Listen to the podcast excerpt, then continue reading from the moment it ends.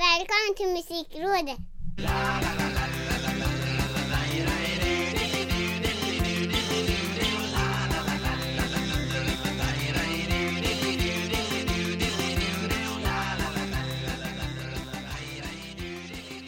Musikrådets 22 episod, vi säger god morgon. Eh, när ni än lyssnar så sitter ju vi här tidigt på morgonen i alla fall. Jag som heter Micke Mjörnberg och den passionerade östgöten Ricke Holmqvist.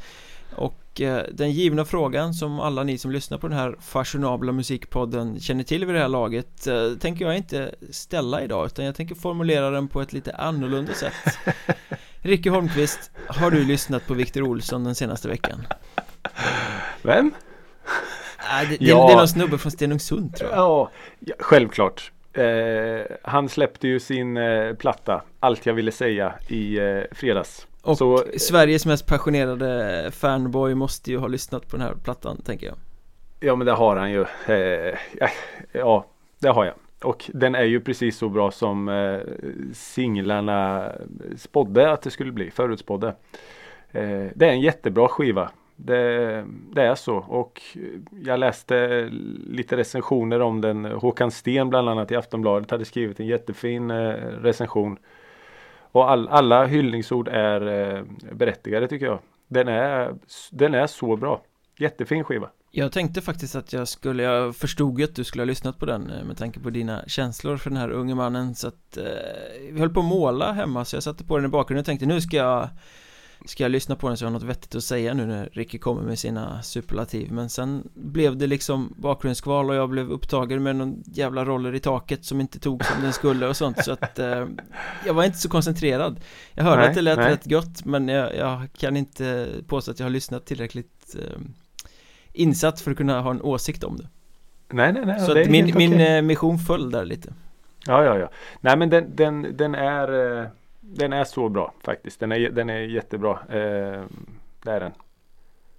Nu lyssnar jag inte så mycket på, på, på plattor som man gjorde förut. Du vet man kunde säga att ja, det här är en av de eh, årets bästa plattor om man jämför med.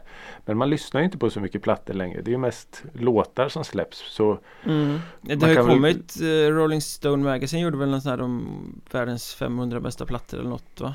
Och så Ja, följde det. Fredrik Strage efter med en egen sån lista och sådär Så tänk, ja, jag just det. funderade på det, om jag skulle göra en sån lista Det är klart du ska. Ja men jag skulle ju ha några plattor från, från några specifika år och sen bara eh, Ja, precis. eh, Ja. Just eftersom man inte lyssnar på det sättet Eller jag Nej, lyssnar och- inte på det sättet i alla fall Nej, och det är det som är så kul nu när vi har börjat det här med, med den här podden och vi kör skivcirkeln och det där. Att det är ju ytterst sällan man, man brakar igenom en skiva sådär i ett spår. Nej, men det är ju Det är oftast- fantastiskt roligt egentligen när man väl Ja, börjar ju. göra det Ja, för då märker man ju lite mer hur, hur en artist alltså, har tänkt. För det är ju lite så med, med just den här Victor Olsson skivan nu att de två tidigare skivorna, där är ju hans tredje fullängdsskiva. Så, så märker man att eh, det är jättebra skivor men den här skivan är nog den bästa Alltså som en helhet. Förstår du lite? Jag tänker att det, är, det finns ett, ett större syfte med den här skivan. Han blir duktigare på eh, att skriva skivor helt enkelt Ja, men det är väl så kanske. För, för, som förra skivan då eh, han, han släppte, den, den kanske är vad ska man säga? Det kanske är bättre låtar på. Men den kanske är mer gjord för singlarnas skull. Ja, jag fattar Medan den här helheten är bättre. Den står sig bättre som skiva. mm. Det kanske blir lite rörigt men ja, men kommer ja. den leva längre då då? ja men det tror jag faktiskt. Det tror jag faktiskt. För det, den känns mer ja, gedigen på något sätt. Ja, Eh, så ja, nej det, det, är en, det är en jättefin skiva med, med titelspåret Allt jag ville säga är en sån fantastisk låt och en låt som heter Stora ängen som är också jättefin och sen singlarna vi har pratat om är Evergreen och Saknat dig nog. Alltså det, ja. Det, jag kan sitta en stund och prata men det, det är en jätteskiva som, som lever upp till den här hypen som, som jag har byggt upp. det är dags att göra ett poddavsnitt med Viktor Olsson som gäst tror jag jag tror det. Vi, vi, kan, vi kan ställa frågan. Vi gör det vi, Om man, om man har tid. Nej, han är väl fullt upp med att vara rockstjärna nu efter den här plattan så att, Ja, och det är turné och grejer på gång också såg jag. Det, så det, han, han är i ropet och det unnar vi honom verkligen. Men med det sagt då, då kan jag ställa den riktiga frågan Vad mer har du lyssnat på den här veckan? Senior Ja. Ricky Holmqvist Eh, ja, det har ju inte bara varit eh, Viktor Olsson. Eh, Junior Briell, mm. bröd, bröderna Luggarna. Briell. Luggarna ja, bröderna Briell som vi kallar dem där hemma. Släppte en låt som heter eh, Livet är underbart. Eh, som också var jättefin eh, och går lite i samma spår som eh, deras tidigare alster. Men eh, ja, så den har jag lyssnat på. Jättefin, eh, lite elektro, du vet så här pulserande som, som ger kroppen eget liv lite så. Mm. Ja men de har någonting som är lite svårt att sätta fingret på men som man går igång på Ja men det jag, är jag lite tyckte så. den plattan de släppte för något år sedan var väl Blandad liksom Mm. Det var, Ja, men som absolut. helhet kanske inte jättevast men det var några spår som var sådär wow Mm. Ja men absolut, det var väldigt högt och lågt på den, den skivan tycker jag. Eh, och sen har jag lyssnat på Lykke Li som har släppt sin eh, första svenska singel som heter Bron. Det var den hon gjorde med Little Jinder va? Ja precis och han eh, Ludvig Göransson eh, är med och, och fipplar. Mm. Jättefin låt den också. Eh, lite så mörkt dansant kan man väl kalla det. Utan att för den saken skulle vara gjord för ett dansgolv. Mm, just det Eh, Larkin Poe. Det känner jag igen namnet Mm. Det är ju amerikanskt så det förslår. Det är två eh, systrar. Eh, som gör lite så, eh, två systrar från Georgia. mm.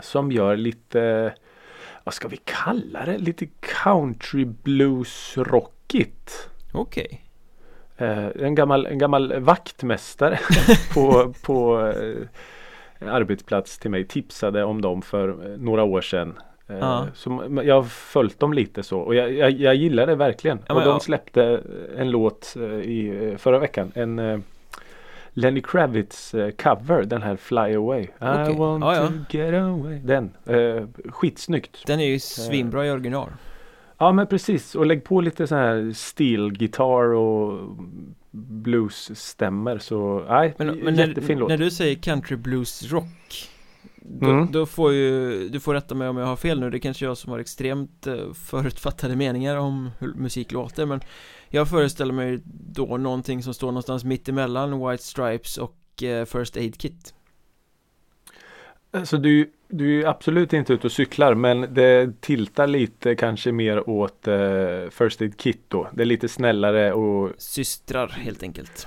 ja men precis och lite mer välpolerat än vad White Stripes var. mm. Det är Eh, inte bröt jätte- bluesen liksom Nej precis. Och sen tycker jag att det är jättekul att du nämner White Stripes. mm. För att eh, Jack White Oj, var, ja, eh, min Twitter exploderade i söndags. Eh, av Jack White. Och då tänkte Okej. jag, vad har han gjort nu? Detta geni. Då var ju han alltså gäst på Saturday Night Live.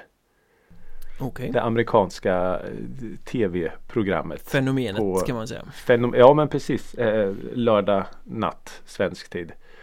Eh, och då hade ju han, eh, jag var ju tvungen att gå in och kolla på, på Youtube såklart. Och då framförde han två låtar.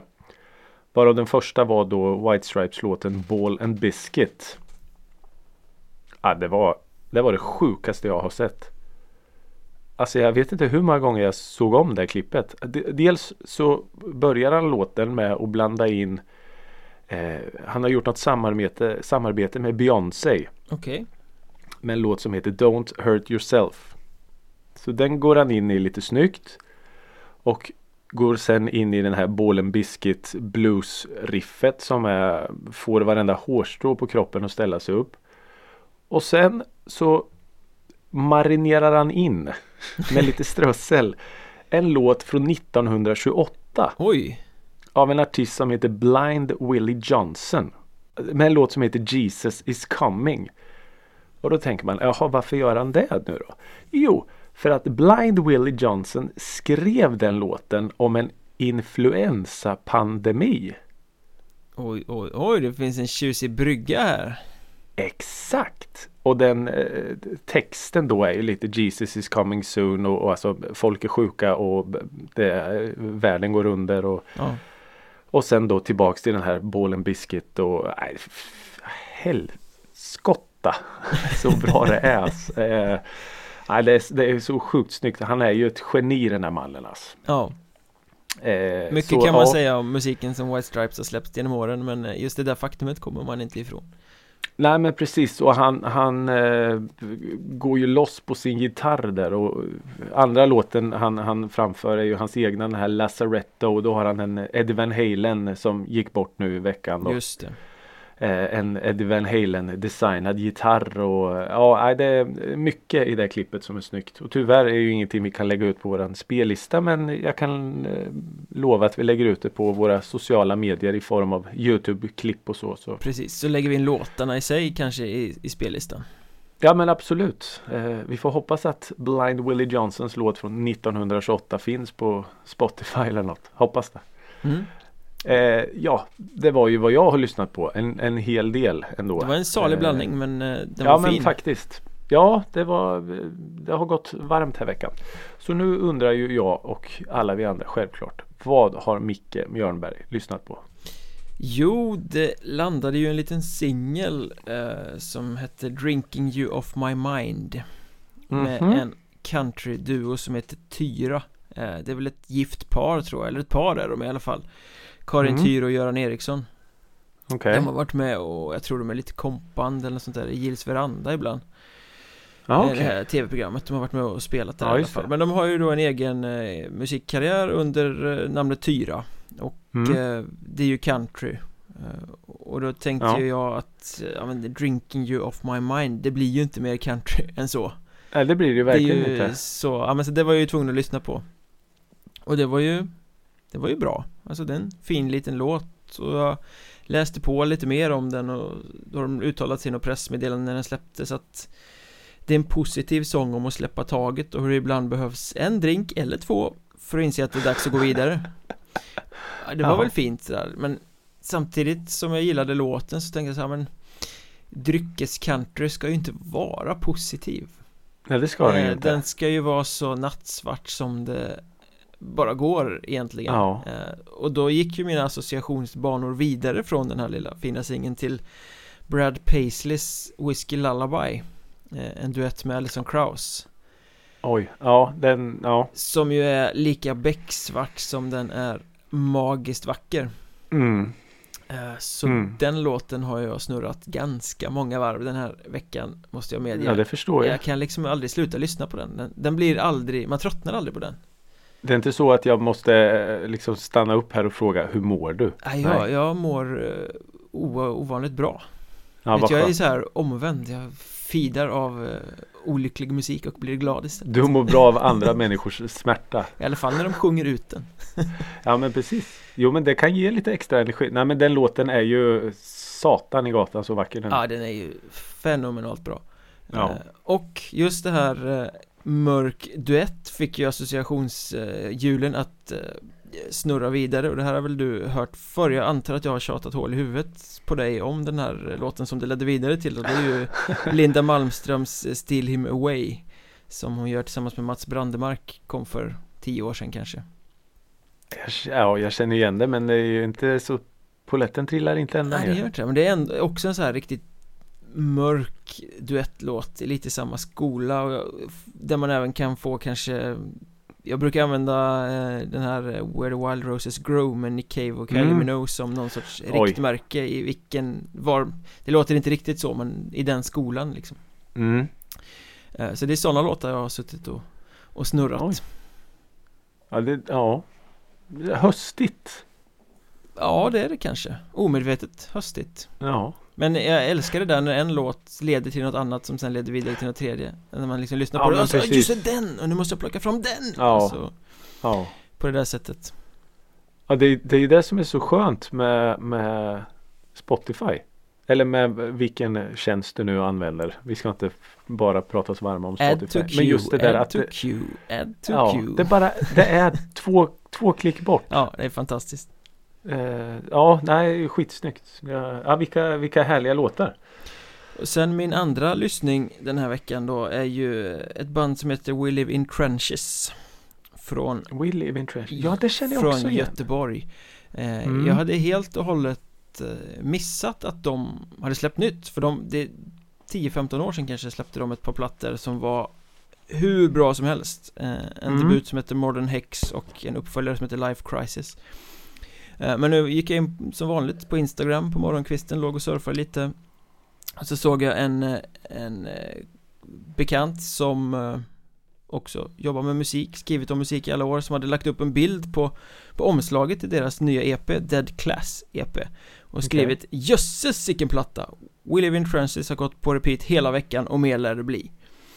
Och då tänkte jag såhär wow! Skriver han så om det här? Och jag tyckte sådär om det gamla då måste ju det här vara fantastiskt så jag kastade Ja. mig in på Spotify Lyssnade på den här eh, Dead Class EP och blev eh, besviken Oj då. Ja, för det var inte, alltså det är samma stil och samma skola som det som jag älskade eh, Men Mm. eh, det var inte lika bra riktigt Ja, okej. Eh, Det tror jag i och för sig kan bero på att det är en, som jag brukar säga, växare Att, att det liksom eh, Man måste lyssna på det ett, ett antal gånger, det måste falla på plats och sen kan man börja Ja, gilla det just Det är det. liksom inte så här omedelbar direkt musik Vad är det för typ av musik då skulle du säga? Eh, Alltså det är sladdshit, våldsamt, dräggigt, dissonant eh, Bröligt Våldsamt dräggigt. De kallar det för dumrock eller idiotrock själva liksom. Ja, okej. att Det går ganska långsamt I alla fall på det här nya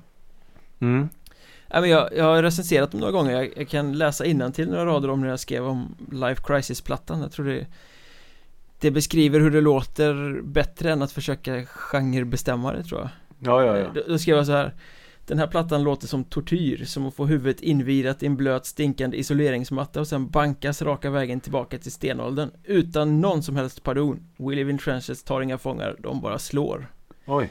Life Crisis är ful musik i ordets allra mest vackra bemärkelse En ljudvägg av brutalt bröt som inte vid ett enda tillfälle luckras upp eller låter ljuset sippra igenom Som om kvartetten står ankeldjupt i avloppsvatten i någon sunkig källare och bara hamrar på sina instrument med målmedvetenhet som är obeveklig Typ Oj. Oj.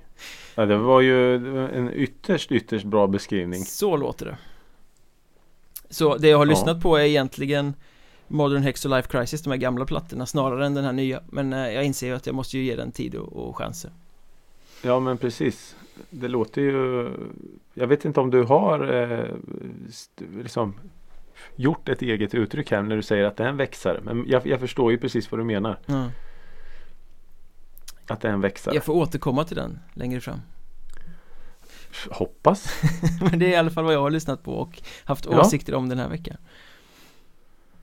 Ja, det är väl eh, vilken jävla blandning. Vi båda hade... eh, Ja, Det är musikrådet helt enkelt ja det är det. Eh, Kan det, jag tänkte var någon så här, jag ska ta det ett steg längre. Är det någon slags mognadsprocess från oss? Men det hoppas inte det.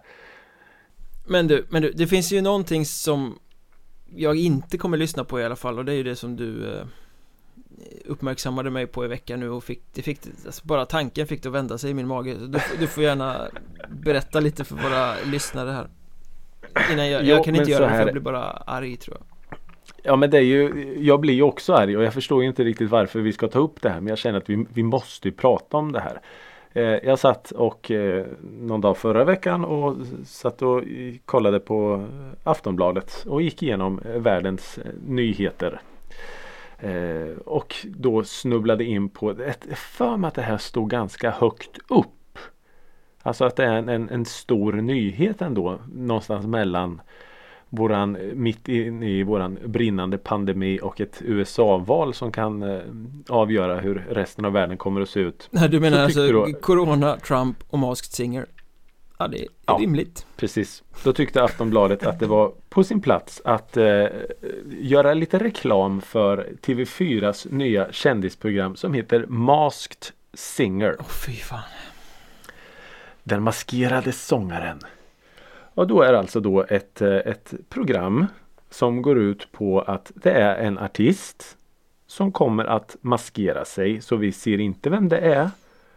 Och en då kändispanel. Nu gör jag sådana här luftcitat här. Kändispanel. Som då alltså helt enkelt ska gissa vem det är som står på scenen. Och kändispanelen, nu har de skrapat ihop det bästa de har här. Består av Pernilla Wahlgren, Måns Zelmerlöw, Nor El Refai och Felix Herngren. Och då kan man ju direkt se så här. Hur har TV4 tänkt? Jo, vi tar in två som kan musik. Nu gör jag sån här luftcitat igen. kan musik. Alltså Pernilla Wahlgren. Fantastiska Pernilla Wahlgren. Och Måns Zelmerlöw. Men det kan bli lite tråkigt och stelt. Jo, säger de på TV4. Vi slänger in två komiker också som kan skoja till det lite. Ja, det är så dumt. Alltså det är Och då tänker jag så här, hur, som artist då och få frågan. Du, eh, har du lust att vara med? Vi eh, ska ha ett nytt program här i höst. Har du lust att vara med på det? Ja men fan det låter ju askul det där med corona och pandemin och allt. Ja, jag har inte haft så mycket jobb självklart. Vad går det ut på? Jo, vi ska liksom maskera dig så ingen vet vem du är. Vet du vad det värsta är? Det är väl inte ens artister som ska sjunga utan det är väl kändisar som inte har musikkarriärer egentligen som ska maskeras och sjunga. Ja, det kanske, det kanske inte är sångare eller? Nej, jag tror att det är andra kändisar.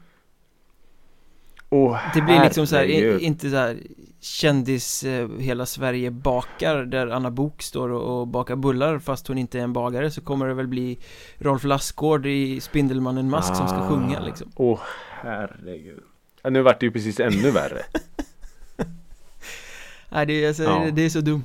Det är så dumt. Men den här programidén har ju tydligen funkat ganska bra utomlands. Det har gjort succé Jo, i många ju- andra länder. Det är säkert det- dum-tv som folk kan sitta och glo på på lördagar. Ja men det är ju lite eh, så TV4 gör väl att de tar eh, Det är ju sällan de har eh, egna idéer så att säga utan det är ju likadant det här Vad heter det? Mästarnas, nej inte Mästarnas Mästare. Det här andra musikprogrammet där Janne Gradvall är med och Det har jag nog aldrig sett. När artister ska sjunga olika genrer. Ja, just det. Ja, nej jag, jag som sagt jag, jag, jag, jag blev bara arg när Jag, jag såg kan tänka mig åtminstone fem saker som jag hellre tittar på än Måns Zelmerlöw som sitter och gissar sånt. Mm. Och behöver svenska folket verkligen mer Pernilla Wahlgren? Verkligen inte. Men när man inte trodde att det kunde bli dummare När man trodde att nej, nu, nu är piken nådd här Då kom TV4 med nästa Mm. Åh herregud Mm.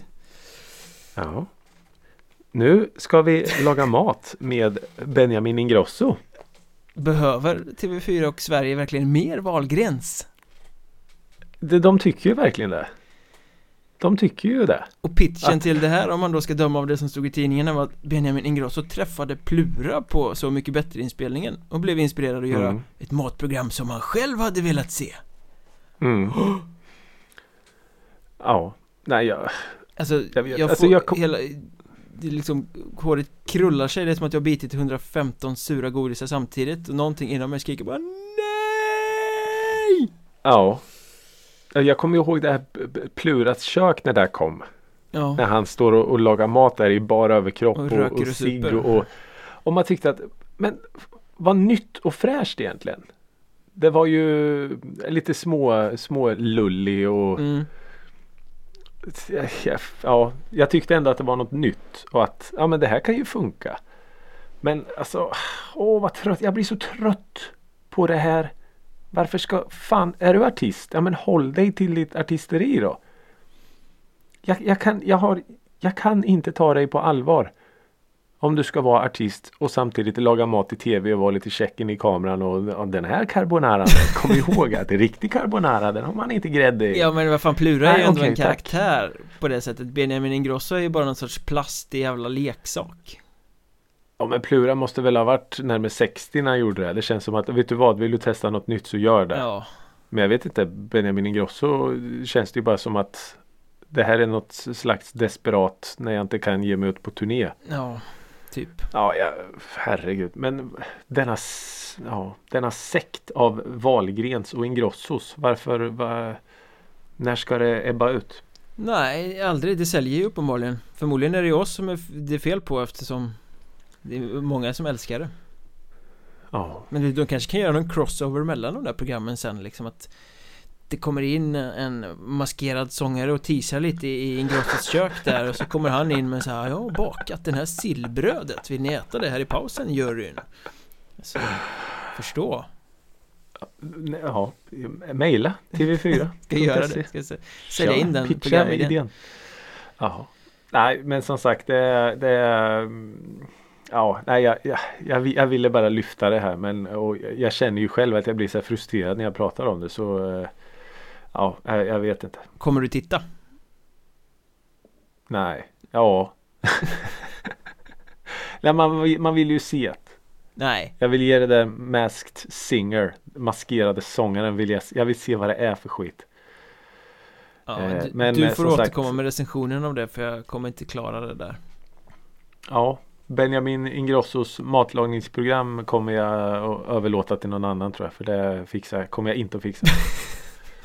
Ja fast han kommer ju säkert bjudas in till Nyhetsmorgon för att prata om det där Ja men Och precis. där kommer du inte komma undan Nej, och så står det ju dagen innan premiäravsnittet så kommer det stå i Aftonbladet så här Ingrossos matlagningskaos. Det stänkte lite sås på spisen Ja men precis. Så eh, ja, Alltså mycket mer action jag än säkert- så lär det ju inte bli I ett sånt program tänker jag nej. Och jag vet inte om det är tanken att han ska med gäster. Eller något i det där, måste jag- man jag- väl jag ha annars blir det väl omöjligt Ja, Ja, vi, ja, ja. ja. vi, vi släpper det, vi går på något mycket roligare istället eh, Det där kanske kan Ja. klassas som svår underhållning eller inte Men vi, vi hade ett litet ämne som vi tänkte lyfta lite som vi kallar för Svår musik Mm. Alltså musik som inte nödvändigtvis är en energy-hit på tre minuter där vers-refrängbrygga funkar och Sen har man hört låten efter tre genomlyssningar Utan eh, svår musik, musik som på något sätt är eh, svår att ta till sig på både positiva och negativa sätt. Mm. Ett väldigt svårdefinierat ämne men det kan ju vara intressant att att dyka ner i, så vad är liksom det första som du eh, tänker på om, om jag säger svår musik? Liksom, vad är associationen, det första som dyker upp i Senior Holmqvists huvud? Ja, jag har ju ett band som jag ständigt återkommer till som är min, min referens när jag pratar om svår musik. Och det är ju Dragon Force. Power metal Power metal med extra allt. Ja, Det det är, är de som var typ svåraste bossen i Guitar Hero va? Ja, men jag tror det är en, en Dragon Force låt där. Och det är ju, det säger ju allt egentligen för att det är trimmade gitarrsolon, det är trimmade trummor, det är falsettsång, det är överdrivna syntar, det är stråkar, det är, det är allt. Och jag får, du vet så här, jag känner att jag glömmer bort att andas. Så här, ekvilibrism upphöjt till 10 Ja men precis, det är ungefär som att bli inträngd i ett hörn. Eh, det är min så referens när jag, när jag tänker svår musik. mm. Eh, jag, jag, jag, klar, jag klarar det inte, det går inte, det är för mycket. Och just att allting ska gå så jävla snabbt. Ja det är tempot jag som bara- är där, eh, väl, är lite galopperande i stort sett ju Ja men precis. Och jag har ju tidigare nämnt och sagt att jag är oerhört svag för de här smattrande trummorna. Men här, det, det finns ju inget. Det är som att höra ett, ett, eh, en galopperande häst och sen så snabbspolar du ljudet liksom. Ja men egentligen så, alltså triggat, så, tok-triggat Ja. så att det låter som en popcornmaskin snarare än eh, kaggar Ja men precis. Det, det var väldigt bra sagt. Det är mer popcorn än maskin än trummor. Eh, så det är ju min sån referens då. När, alltså svår musik. Sen kan jag ju inte riktigt den. För jag menar de- är ju asstora i sin grej. mm. Men jag, jag, jag, det, det, det är för mycket som händer. Jag kan inte ta, ta, ta till mig allt. Det händer för mycket. Fast den där eh, genren är ju svår, alltså man får väl räkna in det i hårdrock på något sätt Och Ja, hårdrock, där brukar ju lyssnare oftast glida ganska mycket mellan eh, subgenrerna Mm. Man gillar lite här och lite där Men just ekvilibrist power metal är ju lite bespottad även av hårdrockare tror jag Så Det är väl en Ja, jag viss tror ju inte klick att- av fans som gillar det där Det är, det är inget allmängods att- som man säger så Nej, nej, nej. Och jag tror ju inte att en, en Dragon Force-fantast har typ Black Sabbath eh, skivor hemma i sin eh, skivback. Nej Utan jag tror nog att det är sån här eh, Ja men det, jag kan tänka mig att det började med Iron Maiden typ. Fortsätter till Rhapsody så- of Fire Ja och så vill man ha lite till. Det ska gå lite snabbare och lite snabbare och lite mer och alltså och så. Men jag tänkte på det här med Dragon Force. För även om alltså, när vi bestämde att vi skulle prata om svår musik då tänker man kanske direkt så här jazz och, och lite sånt som är svårt att sätta fingret på. mm. Lite mer så flytande musik. Men när jag tänker på svår musik då är det oftast inom den här hårdrocksgenren. För att när jag har Dragon Force som min referensram då kan jag peta in de här falsettgubbarna. Ja Hammerfall.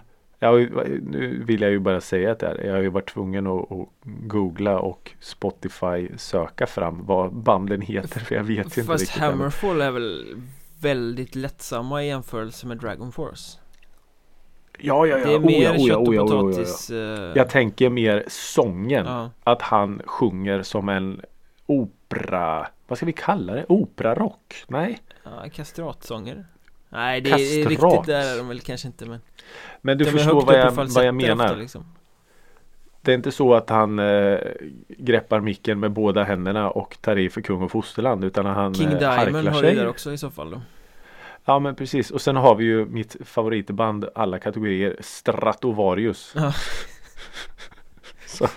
Den eh, finns ju väldigt mycket eh, kul story kring dem Om hur de började de- bråka snälla säg De att de började bråka inbördes och, och bandledaren blev helt tokig och keyboardisten kissade på honom på scen och äh, det var Åh herregud. det, Googla, det finns att läsa Ja det ska jag göra. Eh, men det, det är väl ett sån typ av opera-rock väljer jag att kalla nu. Som, det, det går inte. Mm. Det går inte. Det är för svårt för mig. Men är det inte så med hårdrock överhuvudtaget att det är en genre som ofta söker det extrema? Att har någon gjort något som vill, så vill nästa band göra det ännu mer extremt och så kan det gå liksom så Det ska vara så ont som möjligt, det ska vara så Ja, snabbt precis, som möjligt, ja. det ska vara så Ja. tungt som möjligt alltså, Det är ju en, en Jo, genre men- som i sig oavsett i vilken riktning den går söker extremerna så att det är klart att det blir Ja men precis. Svårt. Om, om, man, om man ska gräva jättedjupt och säga liksom vart kom rocken ifrån. Om man kan, kanske kan börja titta lite på typ Little Richard och Chuck Berry och sånt. Att det här är den första rock'n'rollen till vart den är idag.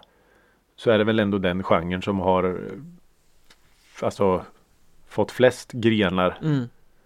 där de kom ifrån. Ja, så är det säkert Och när vi ändå pratar svår Eh. musik så skulle väl jag vilja kasta in liksom den eh, sidan av hårdrocksgenren som Meshuggah eh, symboliserar också Är det här matematik? Ja, det här när du överhuvud måste vara matematiker för att fatta vad som händer Alltså Och då är väl Meshuggah det stora eh, Stora bandet liksom där. Det finns ju massa, Ja. men just där det, det är taktbyten och det är konstiga taktarter och det är Trummor som hoppar fram och tillbaka och byter och hur mycket du än Försöker Så är det omöjligt att hänga Men- med. Ja, det är, det är liksom den stora symbolen för svår musik för mig tror jag. Jag har försökt ta till mig Meshuggah hur många gånger som helst Alla hyllar dem och jag bara tycker att det är ointressant för att det blir för svårt Jag vill Ja, inte just behöva sitta med hör- anteckningsblock för att förstå en låt Jaha, nu hoppar han från femtedels takt till tre fjärdedels där ja, Sådär liksom Men för en helt oerfaren lyssnare hör man att det här är något annorlunda? Ja, Man gör det, okej. ja. det är ju väldigt eh, konstigt bara ja. eh, Där vill jag dock kasta in för genren som sådan behöver ju inte vara dålig även om inte jag förstår det bandet Det finns ett norskt band, eller fanns ett norskt band Jag vet inte om de finns längre, som heter Incense Som var inne och Mhm. tallade lite på de där eh, Jaktmarkerna kan man säga De släppte en platta, kommer jag inte ihåg vad den heter Men det var en låt i alla fall 2011 som heter Surviving Self-Resentment Mm. Som också är mäckig, men som var helt fantastisk Så den vill jag flagga för att folk ska lyssna på Jag slänger in den i spellistan sen Mäckig, det gillar jag. Det var en mäckig låt. mm. Det är liksom ett ordet för att beskriva den genren tror jag Det är mäckigt Det är inte rakt Ja. Det är bara, ja. Sen, näm sen Ja. nämnde du jazz och där måste jag flika in att jazz är ju nog den genre som jag har svårast att ta till mig överhuvudtaget. Hur mycket jag än försöker så kommer jag inte in i jazz. Um, Friformsjazz och improvisationsjazz och sånt är såklart värst. Eh, Men även vanlig jazz. Jag trummor och orgel pratade vi om, där, där, kan jag, där drar de ju mot pop så där är jag ju med och, och fattar. Ja, Men vanlig jazz liksom, nej Jag förstår rent intellektuellt att musikerna är jätteduktiga ja, Men jag kan inte ta till mig musiken Det är helt omöjligt ja. Kul att du nämner jazz. Då vill jag ta ett steg lite åt sidan och säga punkjazz. Punkjazz, mm. Ja, och då tänker du, vad är han nu ute och cyklar med? Jo, Jag, jag, För jag, några jag år tror jag sedan- vet vart du är på väg Jag skulle inte Jaha. kleta ordet jazz på dem, men vi får se Ja, det här ska bli intressant. Eh, jag kan läsa, jag, jag gjorde en recension för några år sedan eh, på Drevet. Jag fick en, sk- en skiva skickad till mig och då låter ingressen så här. Vad skulle egentligen ske om trummor och orgel tillsammans med kriget gjorde inbrott i en musikaffär efter en sjöblöt Finlandskryssning? Svaret må vara luddigt och diffust men det skulle i allra högsta grad låta apa om resultatet. Oh, nej, jag trodde du var på väg till kriget så att jag var ute och cykla Nej. mm. Eh, en grupp som heter APA. Så, Som gör Alltså, det punkjazz mm. Ja, Det är så jävla konstig musik men jag, jag, jag fastnar. Jag fastnar. Eh, och de, de släppte en skiva som heter Absolut apa. Nej, AP såklart. Absolut apa. Eh, som kom för några år sedan. Som, de- den, är, den är otroligt mäckig om jag får låna ditt uttryck. Ja. Men ja, det finns en röd tråd i mäckighet som gör att den blir bra. Eh, så så det, är ju, det är ju så sjukt svår musik men, Men är, är det jazzen eller punken som är mest Som tar nej, störst det är utrymme? jazzen. Det är inte, alltså när man tänker punk så tänker man ju forta trummor och, och Ja, så. punk är ju så ganska det, det har ju inget med sig det att göra. liksom. Ja men precis, utan det är nog bara att det är jazz med en eh, twist. Som gör så. mm. Det, det är väl ett snyggt uttryck att säga punkjazz. Men som sagt, jag nämnde ju kriget också. Ja. Mitt kära älskade Ja, kriget. det är ju konstig musik Det är ju superkonstig musik men och jag vet att jag har försökt att analysera det och försökt att tänka att, det finns inget annat band på den här planeten som låter som kriget. Men det är så bra. Distad saxofon kan ju inte bli fel Nej. Eh, vi har ju pratat om kriget tidigare här och jag har ju kärleksförklarat dem och kärleksbombat dem och kommer nog ständigt att göra det för att det är ju jag vet, det går inte ens att förklara vad kriget är för att de, de ömsar ju skinn ständigt efter varje släpp. Så eh, ja, nej, så kriget är ju själva sinnesbilden av svår musik men som faktiskt funkar. Tycker i mina öron i alla fall ska jag säga. mm. Ett annat band som vi har nämnt tidigare i podden som också bör sorteras in här Just under den där fliken tänker jag eh, Svår musik som verkligen funkar, det måste ju vara Tool också Mm. Där det är Oh ja. liksom ehm, Vändningar och kon- Ja, men konstigheter men ändå helt självklart Det är också, alltså, stå, de står väl nästan på gränsen till någon slags matematisk rock fast kanske lite lågstadiematte. Ja fast de har väl någon låt som sägs vara uppbyggd på eh, Fibonaccis talföljd eller vad den heter Ja, det har det ju är sån här teoretiskt så det bara eh, sjunger om Ja, det Gyllene snittet eller vad det är Ehm, ja okej. Ja men, Nej, men där är ju så, där kan du ju lyssna på en skiva eller en låt 25 gånger och det kommer hela tiden något nytt Mm. Och du kan lyssna på det en gång och du förstår men du förstår samtidigt att det är inte så här versrefräng enkelt som jag kanske tror för att det här är Nej det är det ju inte. Och det är det som är så häftigt med Tool också tycker jag att även om du, du, du, du tröttnar ju inte för det händer ju något hela tiden. mm. Ja men så är det ju Och du vet ju aldrig vart nästa vers ska ta dig eller nästa refräng ska liksom vilket håll de svänger åt och så det, absolut det är ju ett, ett sånt band som det är just det är ju svårlyssnat. Sen, Men bra. Ja, ja, absolut, superbra Sen har jag en, eh, en genrebeteckning egentligen, eller nej, ett, ett sätt kanske snarare, det kan sprida över många genrer, men lo-fi Mhm. Det här ska bli intressant.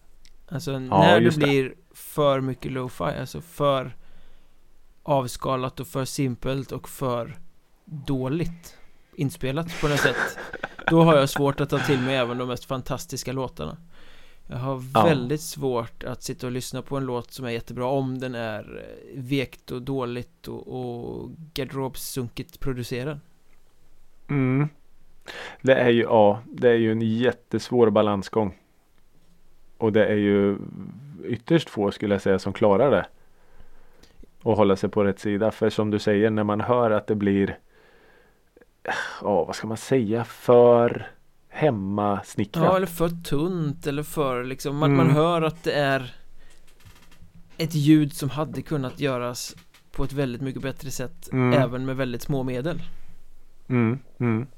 Ja, jag, jag, jag skriver under direkt. Jag har ett jättebra Direkt. exempel på det Det är ju Jan Frusciantes platta To Record Only Water for 10 Days Från 2001 Mm.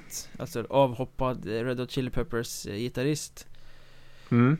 Och han har ju garanterat sökt lofi soundet på den plattan Det ska låta Mm. sådär naket och trasigt och avskalat och, och allting sånt där Men den skivan tog det nog mig åtminstone 10 år att eh, fatta vilket mästerverk det är Alltså för Jag köpte Ja. den när den kom Och då hade man ju liksom lite den här Älskade hans gitarrspel i Red Hot Chili Peppers Visste var han kommer ifrån, det är ganska producerat det. Så kommer det Mm. här och så är det bara Super lo-fi i jämförelse Det Ja. låter dåligt och det låter skevt och liksom Och det Ljudet stod i vägen för Hur bra låtarna faktiskt är Nu har Ja. jag kunnat acceptera ljud Jag hade väldigt gärna hört en nyinspelning av den skivan Med riktigt ljud Ja Eh, just det. i, Inte nu, för han, han är väl en helt annan musiker nu 20 år senare men Jag hade gärna sett honom då i den stunden spela in den med ett annat ljud eh, För att se vad låtarna kunde få Ja, för det är lyster coolt. Men det är ju Det omöjligt där, det där får mig att tänka på en historia som jag har, har hört. Det finns ett band som heter Abramis Brama. Ja det är ju så här eh, skogsrock va?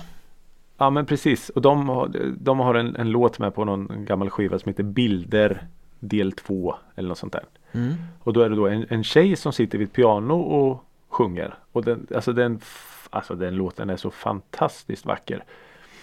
Och då vet jag, var på någon spelning någon gång med, med dem och då sa jag det till sångaren. Du fan den där Bilder del 2 är ju för jävla bra. Vad, vad, vad, vad, vad är historien med den? Och då sa han bara att äh, men en dag i studion så kom en av våra körtjejer och satte sig vid pianot och spelade och vi tryckte på record. Mm. Och då sa han det är så coolt för allt är en tagning. Du har en kaffebryggare i bakgrunden typ. Och så just det där lo-fi som du säger kan även bli åt, åt andra hållet. Att det blir magiskt. Att du fångar ett ögonblick. Ja absolut, absolut Eh, så det är också snyggt. Och du hör någon som går i en dörr bakom. Och du hör lite så här steg på golvet. Men och, sånt kan ju vara men- superfint men det jag är ute efter är lite mer det här liksom när det blir dåligt ljud Gitarren distar över Ja men precis. du ja, jag, jag, är med, alltså, jag är med på vad du menar. Sången går iväg från micken så att det svajar liksom Eller sådär Ja, Jag är helt och hållet med. Jag är helt och hållet med. Eh, Björk. Ja. Behöver jag säga nej, mer? nej, nej. Nej. Det, är, det är väl som jag lyfte upp i den här eh, podden som vi gjorde om musik, eller artister vi aldrig har hittat Ja, exakt. Och- och då tänker det var jag, alltså- jag kände att Dancer in the Dark Att slå ihop Björk och Lars von Trier Mm. Det blir väl inte svårare än så va? Nej det blir det inte. Det är väl om vi Helt- skulle få helt in eh. Lars Norén någonstans där också Ja. kanske. Men eh, ja. Ja men Björk är väl musikaliskt vad Lars von Trier är i filmvärlden Nästan ja. Nej det, jag, jag, var, jag, kände att jag var, jag var tvungen att nämna att jag har hon har absolut ett par låtar som är jättefina och jättebra men, men merparten av hennes eh, alster är ju det är för mycket. Det är ju sån ljud, eh, ljudmatematik på något sätt som jag inte kan ta till mig alls. Nej det måste finnas någon form av snärtighet i saker på något sätt Ja men precis. Eh, ja, ja det, det här är ett eh, otroligt intressant ämne. Tycker jag. mm. Man kan nog gräva vidare hur mycket som helst Vi får återkomma nästa år eh, Svår musik Part 2 Ja, verkligen. Epilogen. Då tycker jag att vi ska ge oss på något helt annat Det vill säga det här extremt sköna segmentet som vi kallar Skivcirkeln Oj, oj, oj! Där Ricky Mm. Holmqvist kastade oss tillbaka till 1994 till en platta inspelad i Tambourine Studios Jag tror till och med att Mm. bandet var med och grundade studion va? Jag tror faktiskt det. Vi snackade Ja. i alla fall om Eggstone och Summersault Mm. Som är deras andra platta va? Ja. Och du valde den här och du sa att ni lyssnade väldigt, väldigt mycket på den Mm. Då har jag en fråga Hur Ja. kom det sig att det var just Eggstone som föll på läppen? För att som vi, vi Eh. nämnde också Jag menar det var Popsicle det var Brainpool och eh, Vad hette de? Eh, This Perfect Day Mm. Ett gäng band som slog igenom ungefär samtidigt Och som kanske Eh. hade större rykte och Fick mer erkännande Så varför blev det Eggstone? Ja, men jag, vad jag kan komma ihåg är nog att, för jag vet att det var en kompis till mig som hade den här skivan. Eh, och jag hittade nog Eggstone innan de här andra banden Ja, som du, du nyss nämnde. Eh, och det var nog därigenom faktiskt. Så enkelt, att, så enkelt är det nog. Att, att han presenterade Eggstone för mig. mm. Och jag kommer ihåg att jag fastnade. Han spelade en viss låt som jag kommer att nämna snart. Eh, och det bara blev så här wow. Okej. Eh, så det, det är nog faktiskt så att jag, jag hörde dem bara före de här andra banden. Men sen tror jag nog ändå att jag började nog lyssna mer på de banden du nämnde. Kanske framförallt då Brainpool som jag lyssnade sjukt mycket Mm, på. för jag skulle säga att eh, utan att säga att Eggstone på något sätt är dåliga Så skulle jag nog vilja spela över i att i alla fall Brainpool och This Perfect Day är bättre Mm. Alltså Brain, Brainpool är definitivt det av de här banden som jag har lyssnat mest på Mm. Ja, det kan jag hålla med om. Det är samma här faktiskt. Men samtidigt så tycker jag också att av de banden så tycker jag att Eggstone har någonting eget. mm, jag tycker det att jag. Brainpool och kanske This Perfect Day sneglar kanske lite mer åt brittiska öarna och, och lite så medan Eggstone Ja, jag, jag, jag hör inte samma spår av referenser Nej, Nej jag förstår vad du menar Men om, vi, om man Ja. håller sig till den här skivan liksom alltså, Mm. Den är ju väldigt tidstypisk Det vill säga att den Mm, är ju ett, mm, ett mm. väldigt bra dokument för att eh, liksom skaffa en bild av hur en genre som på något sätt höll på att formas lät vid den här tiden. Mm. Det är väldigt Ja. 93, 94, 95 i, i soundet. Vilket Oh ja, ju oh ja. gör att det också blir lite nostalgiskt på något sätt. För oss som var kids på den tiden. Ja.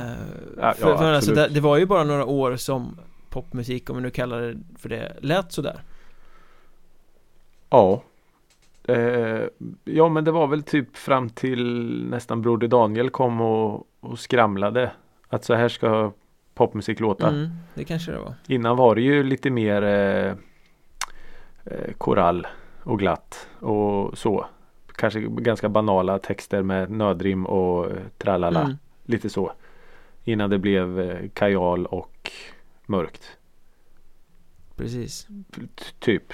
Alltså ja. Eh, Så visst, det här är ju, det här är ju ett, ett, ett ganska tydligt vykort från den tiden. Definitivt. Och jag menar, så här låter ju inte musik idag. Och så här har ju inte musik låtit på länge. Den närmsta referensen som jag liksom kommer där det känns som någonting som försöker gå åt Eggstone-hållet eller låta på det där sättet det är ju eh, Dreamboy eh, med, med Ludwig Mm. Bell som eh, sångare.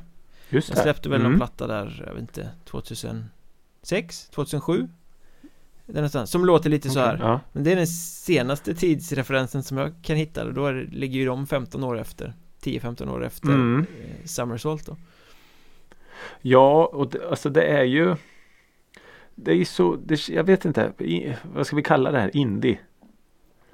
Ja, jo men det måste man säga Och då, det känns som att indiepoppen är ju någon sån här Franken, Frankenstein monster av olika eh, genrer.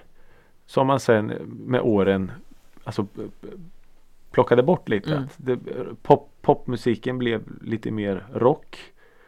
Och sen så skulle man helt plötsligt all popmusik i det här landet skulle sjungas på svenska. Mm. Så det, den, den har ju på något sätt utvecklats och avvecklats och eh, lite så. Ehm, ja. Så jag, jag, jag förstår vad du menar men jag, jag menar om, om man skulle släppa en sån här typ av skiva idag så tror jag att en ganska, det är en ganska smal skiva. Om den skulle komma idag. Ja, på, alltså som, som fenomen, som sig själv är det en smal skiva Mm. eh, Det som den har gett upphov till skulle jag säga är mycket mer bredare för Mm. Alltså, låt mig lansera en eh, teori här Så får du sticka hål på den om det Om det är helt uppåt väggarna eh, Summersault, det är en helt okej skiva Mm. den, den är liksom, ja men det, är- det är en bra skiva jag, jag lyssnar på den och jag diggar eh, Men jag skulle säga att den Den så, alltså den är ju viktigare som föregångare till andra band som skulle komma sen än att den är oumbärlig själv Alltså för den Mm. känns på något sätt som en vägvisare åt andra artister Om man, om man lyssnar till exempel på eh, Vad heter den? Hang on to your echo Mm. Det låter ju som en låt som The Ark måste ha lyssnat på innan de skrev sina tidiga låtar Och de Mm. spelade ju sen också in någonting i Tambourine Studios vet jag Eh, Ja, okej, Och en ja. låt som Good Morning Det är ju en sån låt, det låter rätt mycket det som Dr. Cosmos sen kommer att göra Mm. och, det, och gitarrslingan är ju typisk Bob Hund Som Ja, också har det. spelat in i Tambourine Studios Så det känns ju som att Andra artister har tittat på Eggstone Inspirerats Mm. Och sen skapat ännu större eh, mästerverk just eller vad man ska säga Ja. Ja. Nej, Kan jag, det ligga något i det? Eller är, Ja, det, är det bara jag jag som sitter och säger, gör efterhandskonstruktioner av att "Nej, men det här låter så så de måste ha tittat där Nej men det, det, det, alltså jag, jag tror ju verkligen att, för jag menar den här Tambourine Studios då, det var ju någonting magiskt i den ändå. Om man ser till, alltså eh, Frans Ferdinand var där och spelade in till exempel. Den här Take Me Out världshitten. mm. Cardigans har varit där och gjort åtskilliga världshits. Och jag menar eh, som, som du då nämnde att jag vet inte om vad som har spelats in i den studion innan Eggstone. Men de kom i alla fall ut från Tambourine Studios med den här skivan. Mm. Som var ju kanske inte en hit på något sätt. Men som sagt som blev en så här wow. Ja, Ett svenskt band som låter så här. Okej. Och sen är det många andra svenska band som tittar och inspireras alltså, Jo men så är det ju. Och jag menar det här är ju då alltså måste man ju faktiskt ha i beaktande att det här är ju innan internet och innan allt det här när folk faktiskt gick och köpte skivor. Ja, Och man läser som vi pratade om förra veckan. Man läser recensioner och man Alltså den, den reklam Vad heter det? Konsumentupplysning. Konsumentupplysning, ja som, som då eh, Och det var ju gratis tidningar eh, med recensioner och utanför JC och du vet sådana grejer som man gick och hittade nya band och, och sådana grejer. Ja, Så jag menar eh, Eggstone är ju en produkt av den tiden. precis Så abs- jag, jag skriver under att de är En föregångare liksom Ja men precis. Och inte, kanske inte att de är en, en, en mall men jag tror att många Många inspirerades definitivt det tror jag. Jag skulle nog säga att just de här Hang On To Your Echo och Good Morning kanske är de bästa låtarna på plattan också Eh, Nu vill jag ju komma vidare till den här låten som du har teasat att du ska prata om så att Ja och det, det Jag vill säga jag har, jag har byggt skapat minnet att det var så i alla fall att det här var första låten jag hörde på skivan som jag fick spelat för mig och det är ju Desdemona. mm, Som är Ja jag, jag, jag blir alltså Det är en så tilltalande titel också Ja, och jag, jag blir 14-15 igen när jag hör den låten. Och den, ständigt. Den är, den är fortfarande så otroligt vacker. Och då kanske du tänker så här att ja, det är hans eh, bästa låt på skivan. Nej, Micke, Oj. det är ju inte det. Oj, oj, oj Ja, det är ju inte. Jag måste ju hoppa till sista spåret, Happiest Fool. Och nu är jag villig att säga Åh herregud. Är jag på väg att säga det här? Ja, det är jag. Jag kan ta Broder Daniels Shoreline. mm, Roxettes It Must Have Been Love. mm, Och vad ska vi ta mer för mastodonthit då? Vi kan ta Ah, skitsamma. De två. Och jag hade inte bytt bort Happiest Fool mot dem. Okej mm. Det skulle Inte jag göra alla chans. dagar i veckan men jag, jag förstår Mm. din, din Ja. känsla i och med att du hittade plattan på På ett helt annat sätt än jag Ja men precis. Eh, ja. Så eh, ja. Nej det, det vilk, ja, vilken låt. Vilken Jag älskar ju titeln Den är ju tilltalande Happiest på något Fool. sätt Ja, Låt. Ja. det säger ganska mycket om Alltså musik överhuvudtaget Ja och det här har ju också lite att göra med Jag vet inte Nu minns jag inte idag vilket, vilket sinnestillstånd och vilken vi- Vart i känsloregistret jag var någonstans Men alltså när han sjunger And on my way home I had to kiss all the raindrops Då blir man så här Men då är man kär mm. då, då är man kär när du ska gå ut och kyssa varenda regndroppe. Och då, eh, jag blir så glad, jag blir så varm i kroppen av, av sådana där små, små eh, textrader. Poppoesi Ja men det är ju det och det är väldigt och det är också ganska coolt med den här skivan att det är ju otroligt enkel engelska. mm. För det är ju lite så när man Det här minns jag ju också när man var i den åldern att man skulle man, man, man satt och snickrade lite egna, egna texter. och då är det ju de här eh, Skolengelska från Ja men det är ju 7A. de typen av rim eh, som, som de, alltså You're a beauty queen, the sweetest girl I've ever seen. Ja men Mm. du vet sådana. Eh, Lite så- banalt Banalt men som funkar. mm. Så ja, nej jag vad, vad, vad, vad, vad tycker du då liksom? Är det Ja men det är en bra platta Alltså Mm. jag, jag gillar den men, men jag skulle nog säga att de här andra banden var bättre och att jag, tycker att den är mer spännande som just trendsättare. Mm, och, och eh, vägvisare för vad som komma skulle hos andra artister än att jag tycker att just den här skivan är en sån som jag måste plocka fram för att lyssna på mm. eh, på popmusik eller så. Men det, det är absolut inget fel på den. Det hade ju varit as intressant att du vet om man har en liten panel Nu pratar vi inte med Pernilla Wahlgren och dem utan du har liksom Men Janne Kask kan väl få vara från med eller? Tror du Zelmerlöw har Eggstone-plattan hemma? Nej jag tror inte han vet vilka Eggstone var ens Nej, kanske inte. Ja men du har Janne Kask från Brainpool, du har Ola Salo från The Ark och några mer av de här som var stora på den tiden. Och, och försöka hitta en röd tråd. mm. Superspännande Ja. Janne Kask jobbar ju som någon slags eh, kirurg eller något idag. Ja, Brainpool-sången. Ja. ja, folk ändrar inriktning Jag har forskat. Där har du också en sån här programidé. Det har vi pratat om innan. Vart fan tog han vägen? Vart tog du vägen Janne Kask? Ja. ja Är du beredd på att höra vad vi ska lyssna på till nästa vecka? ja men det är jag. Verkligen. Verkligen.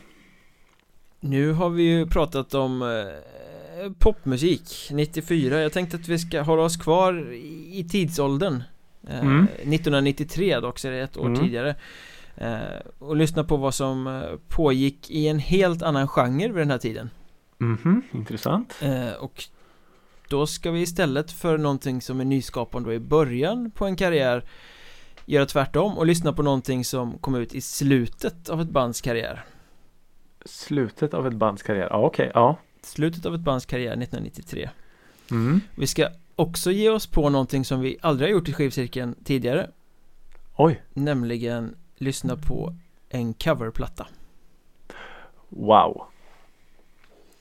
Wow. Mm. Vi har Och ju då pratat är om det covers. alltså, ja men det här är en hel, en hel coverplatta Mhm. eh, Och den är då skapad av ett väldigt stilbildande band Mhm. eh, Som betydde oerhört mycket för eh, sin genre eh, Mm. Som sitter på en hög piedestal i musikhistorien Mm. eh, Och det här var deras trettonde album Åh herregud. Trettonde album 1993. Japp Och de gör en coverplatta.